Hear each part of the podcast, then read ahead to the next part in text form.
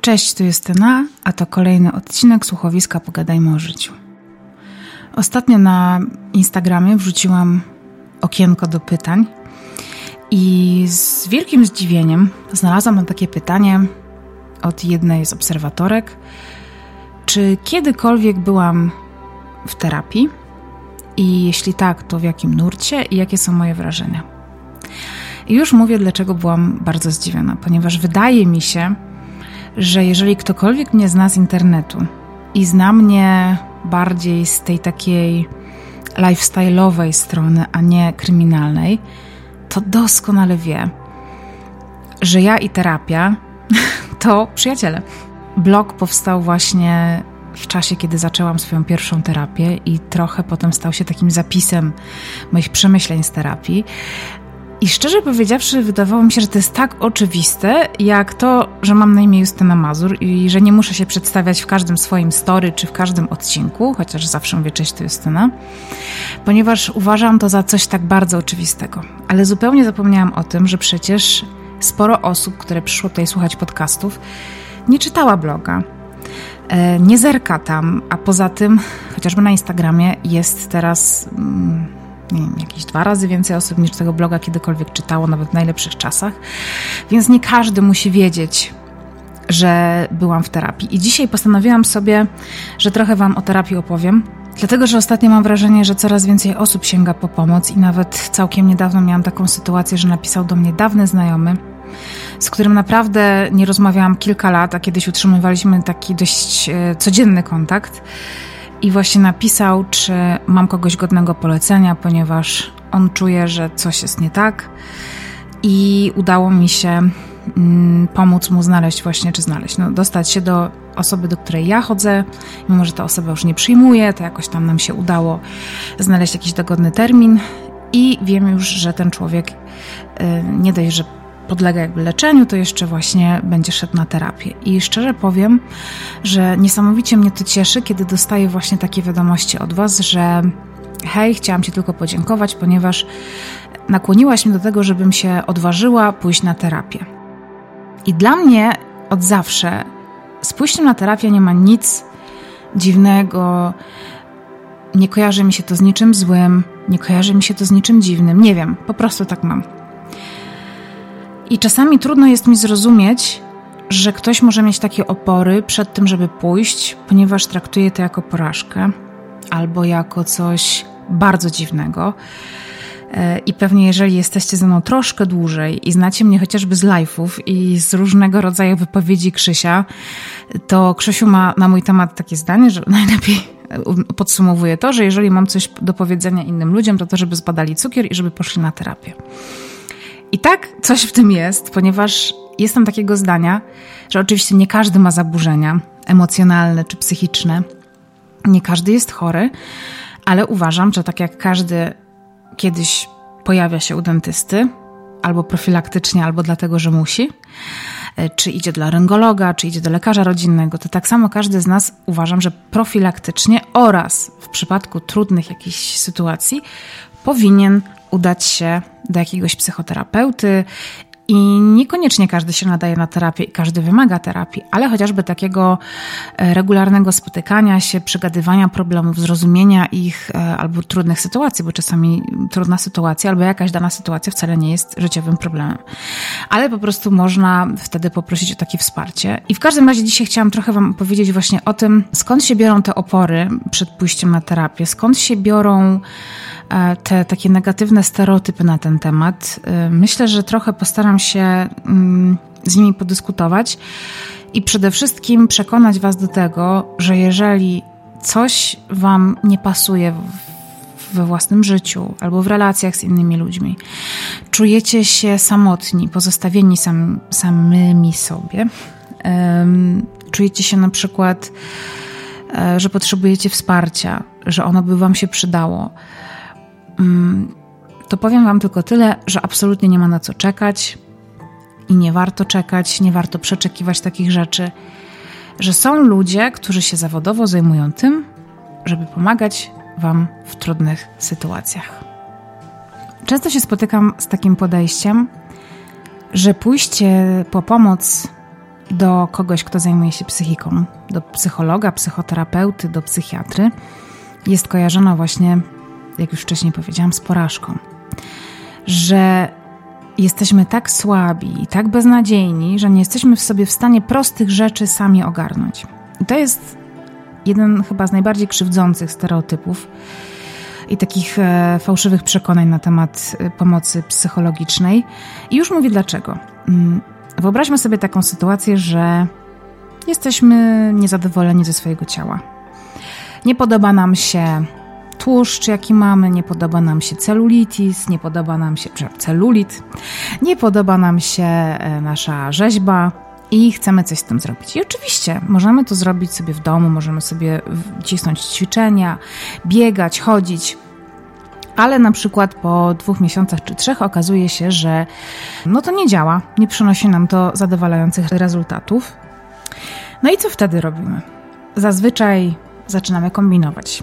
Nie wiem, włączamy jakąś dietę, wydaje nam się, że dobrze będzie, jak sobie obetniemy na maksa kalorie, jak nie będziemy jeść słodyczy, jak wyeliminujemy totalnie tłuszcz. Do tego zaczynamy robić e, dużo różnych ćwiczeń, które nie do końca są dobrane na przykład do naszej wagi, bo na przykład za bardzo obciążają stawy. I po dwóch miesiącach znowu się orientujemy, że no okej, okay, schudliśmy, ale w sumie zatrzymała nam się waga w miejscu, e, dalej tych rezultatów nie ma. Idziemy na badania, okazuje się, że tkanki tłuszczowej nadal jest dużo i tak dalej, i tak dalej, i tak dalej. No i wtedy rozkładamy ręce i mówimy, no kurczę, no nie wiem, co się stało, nie mam pojęcia. I idziemy wtedy do dietetyka, idziemy do trenera personalnego i te osoby nagle zaczynają z nami pracować i na przykład okazuje się, że tłuszcz wcale nie musi być wycięty z diety, że trzeba go odpowiednio zbilansować, że przecież takie ćwiczenia nie do końca, bo wystarczy na przykład, żeby się trochę porozciągać, albo na przykład, żeby zrobić marsz z utrzymanym tempem konwersacyjnym, a nie trzeba na przykład od razu biegać maratonów, y, jeśli się nawet do tego nie ma predyspozycji, ani się tego nie lubi. I nagle się okazuje, że po pół roku czy po roku efekty są spektakularne, my się czujemy świetnie. E, ten sport się zaczyna stawać naszym życiem, właśnie to stylem życia i, i, jest dobrze. Oczywiście to nie jest tak, że terapia to jest jeden do jeden, tak jak trening z e, trenerem personalnym, ale ta analogia z tym, że próbujemy najpierw rozwiązać problemy na własną rękę, co jest zupełnie normalne i jak najbardziej w porządku. E, I kiedy sobie po prostu nie radzimy do końca, to to nie jest kwestia tego, że my jesteśmy jacyś wybrakowani, że coś z nami jest nie tak po prostu czasami nie znamy pewnych narzędzi. I terapia nie polega na tym, że ona nam mówi: Słuchaj, Mietek, masz zrobić teraz tak i tak, bo Twoje pomysły są kompletnie bez sensu. Tylko to polega na tym, że terapia uczy nas właśnie narzędzi, uczy nas technik radzenia sobie z różnymi rzeczami.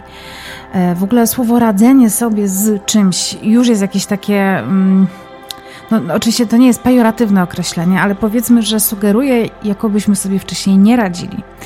Ale bardziej chodzi o to, że terapia pokazuje nam e, bardzo często dużo szerszy obraz nas samych i sytuacji, w których jesteśmy.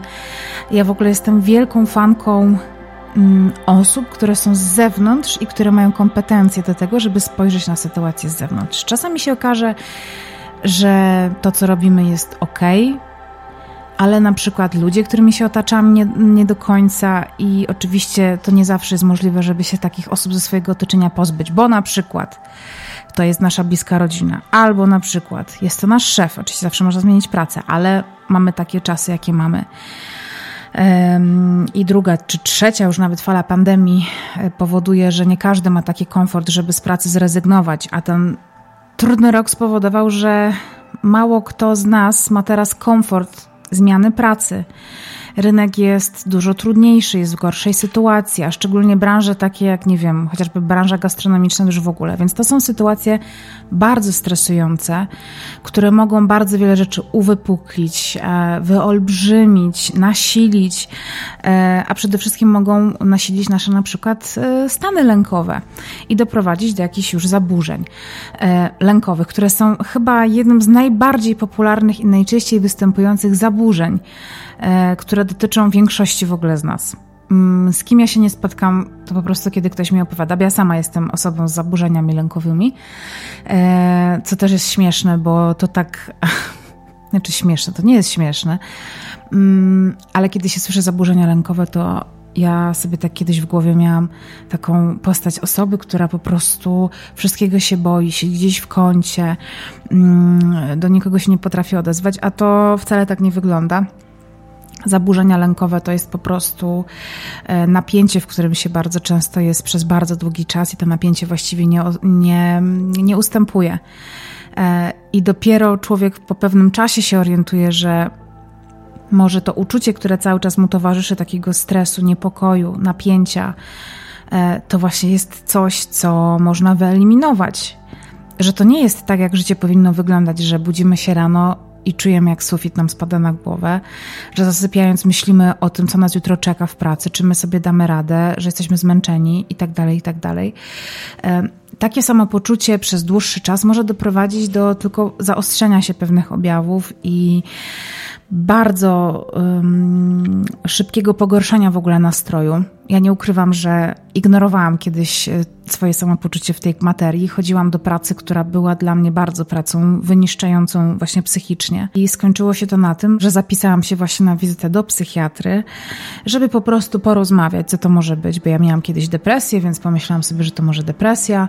No i wtedy się właśnie dowiedziałam na przykład o zaburzeniach lękowych, e, które mm, miałam. Dostałam wtedy L4, zwolnienie na cały miesiąc, żebym mogła e, zacząć brać leki, żeby te leki e, zdążyły zacząć działać, żeby mi ten nastrój trochę mm, złagodziły.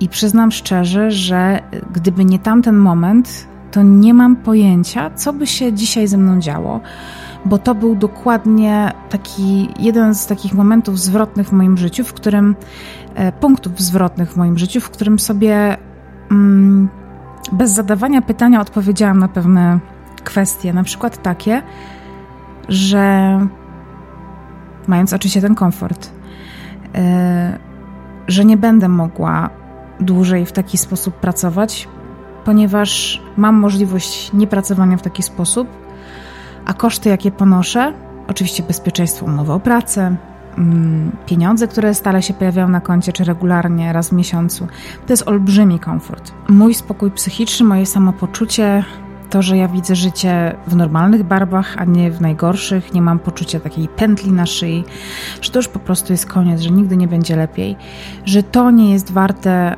tych paru tysięcy na koncie, tej umowy o pracę, tych benefitów, które mam, jakiegoś multisporta, jakiegoś ubezpieczenia zdrowotnego. Wiecie, to są takie podstawowe rzeczy, o których ja wtedy myślałam, że, że to jest bardzo ważne i to może mnie trzymać w dorosłości, w takiej odpowiedzialności, potem się okazało, że wcale nie. I kiedy zaczęłam sobie trochę nad tym pracować, bo pomyślałam sobie, że może to jest właśnie moment, e, żeby pogadać z kimś o tym, e, czy ja sobie dobrze wyobrażam, na czym polega dorosłe życie, E, jak mogę sobie radzić ze stanami lękowymi i przez kilka miesięcy pracowałam nad tym z moją panią. E, no i dzisiaj myślę, że całkiem dobrze sobie radzę. Zdarza mi się oczywiście czasami zapędzić w taki kozi róg. E, na przykład tak było w grudniu, kiedy miałam bardzo, bardzo, bardzo dużo pracy. I właściwie byłam przerażona tym, ile na siebie wzięłam, i nawet zaczęłam się kłócić wtedy z moją kochaną Martą, e, która jest moją menadżerką, ponieważ e, miałam do niej pretensje, że nałożyła na mnie tyle pracy, a to wcale nie była prawda, ponieważ ja się na to wszystko zgodziłam, bo w dobrym momencie stwierdziłam, że jestem w stanie wziąć wiele na głowę i że po prostu sobie dam radę. Ale przyszedł gorszy moment. Mniej energii, przesilenie, hormony, nie wiem, chociażby mm, okres, e, wiecie, gorsze samopoczucie, przeziębienie.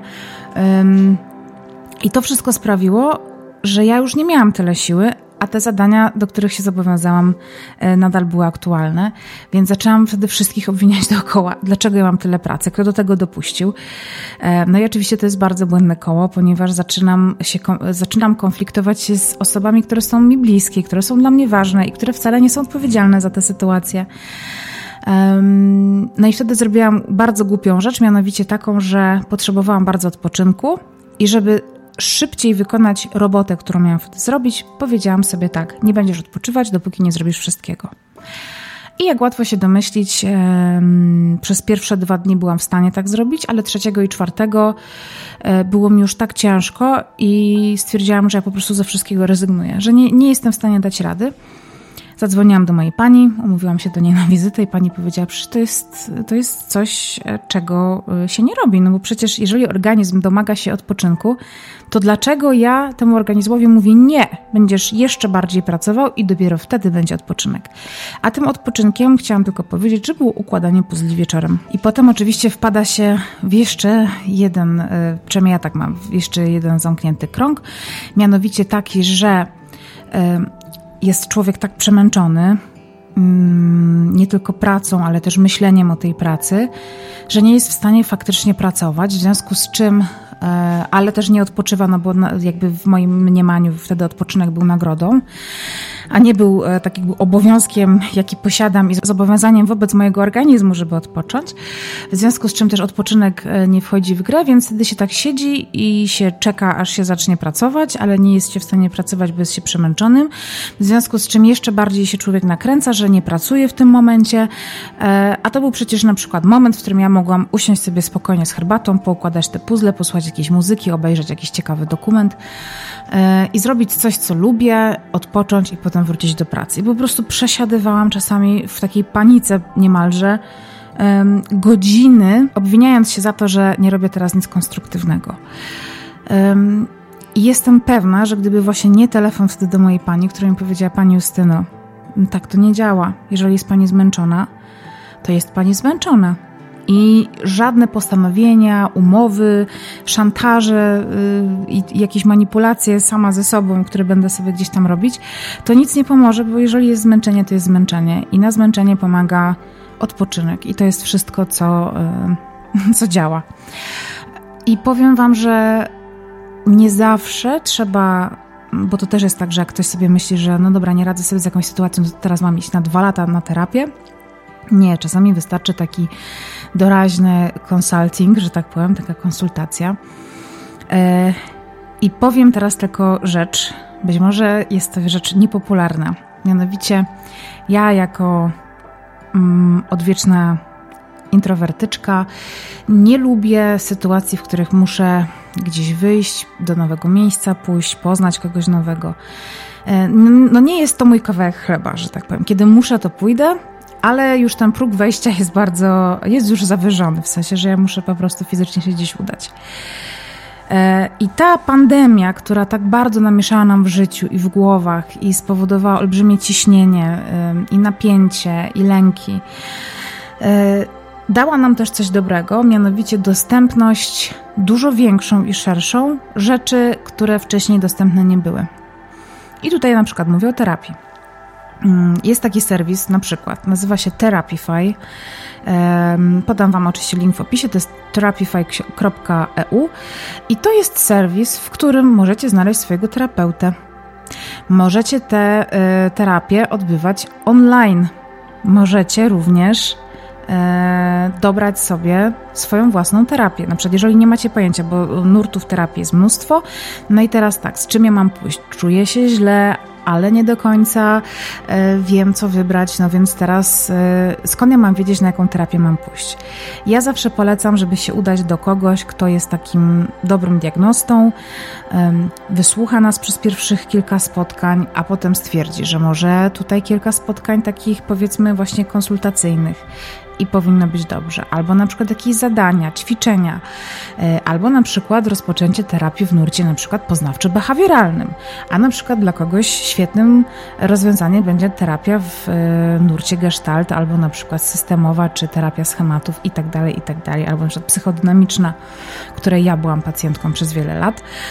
I mm, bardzo sobie to cenię, ponieważ E, I wydaje mi się, że to jest w ogóle świetny moment dla wszystkich tych, którzy chcieli kiedyś i rozważali, żeby coś takiego rozpocząć, ale nie mieli czasu, bo o 17 kończą pracę, zanim gdzieś tam dojadą, to już będzie koniec dnia i że to nie jest dla nich. Potem wrócą bardzo zmęczeni do domu i potem nie będą mieli czasu na to, żeby sobie to wszystko przemyśleć. W związku z czym uważam, że czas w którym wszystko właściwie odbywa się online, bo musi, bo tak jest bezpieczniej, jest świetnym momentem na to, żeby wreszcie podjąć tę decyzję, żeby się skonsultować z kimś. I ja tutaj naprawdę bardzo apeluję do Was wszystkich, żeby to potraktować jako. Hmm, medycynę psychologiczną, jest medycyna estetyczna, jest medycyna, e, nie wiem, jest dentysta, jest e, mnóstwo innych specjalizacji, które są takie kosmetyczne i czasami po prostu taka kosmetyczna porada psychologiczna czy psychiatryczna potrafi zdziałać cuda i do tego Was serdecznie zachęcam. Moim zdaniem fajnym sposobem jest właśnie zajrzenie na e, Therapify i mm, umówienie się na pierwszą wizytę tam, na taką diagnostyczną, dobór odpowiedniej e, ścieżki dla siebie, czy to będą jakieś konsultacje, czy to będą ćwiczenia, czy to będzie po prostu rozpoczęcie terapii. Jeżeli tak, to w jakim nurcie? Chciałam tylko Wam powiedzieć, że konsultacja w sprawie doboru specjalisty i psychoterapeuty jest zupełnie darmowa. I naprawdę nie ma na co czekać. E, nasza głowa sobie gdzieś tam cały czas jest e, z nami i jeżeli zaczyna wysyłać już takie sygnały, że czujemy je w ciele, że jesteśmy tacy bez przerwy spięci, czujemy ten ucisk na klatce piersiowej, w żołądku, mamy różnego rodzaju e, dyskomfort, na przykład, nie wiem, jest nam niedobrze rano, jak tylko wstajemy.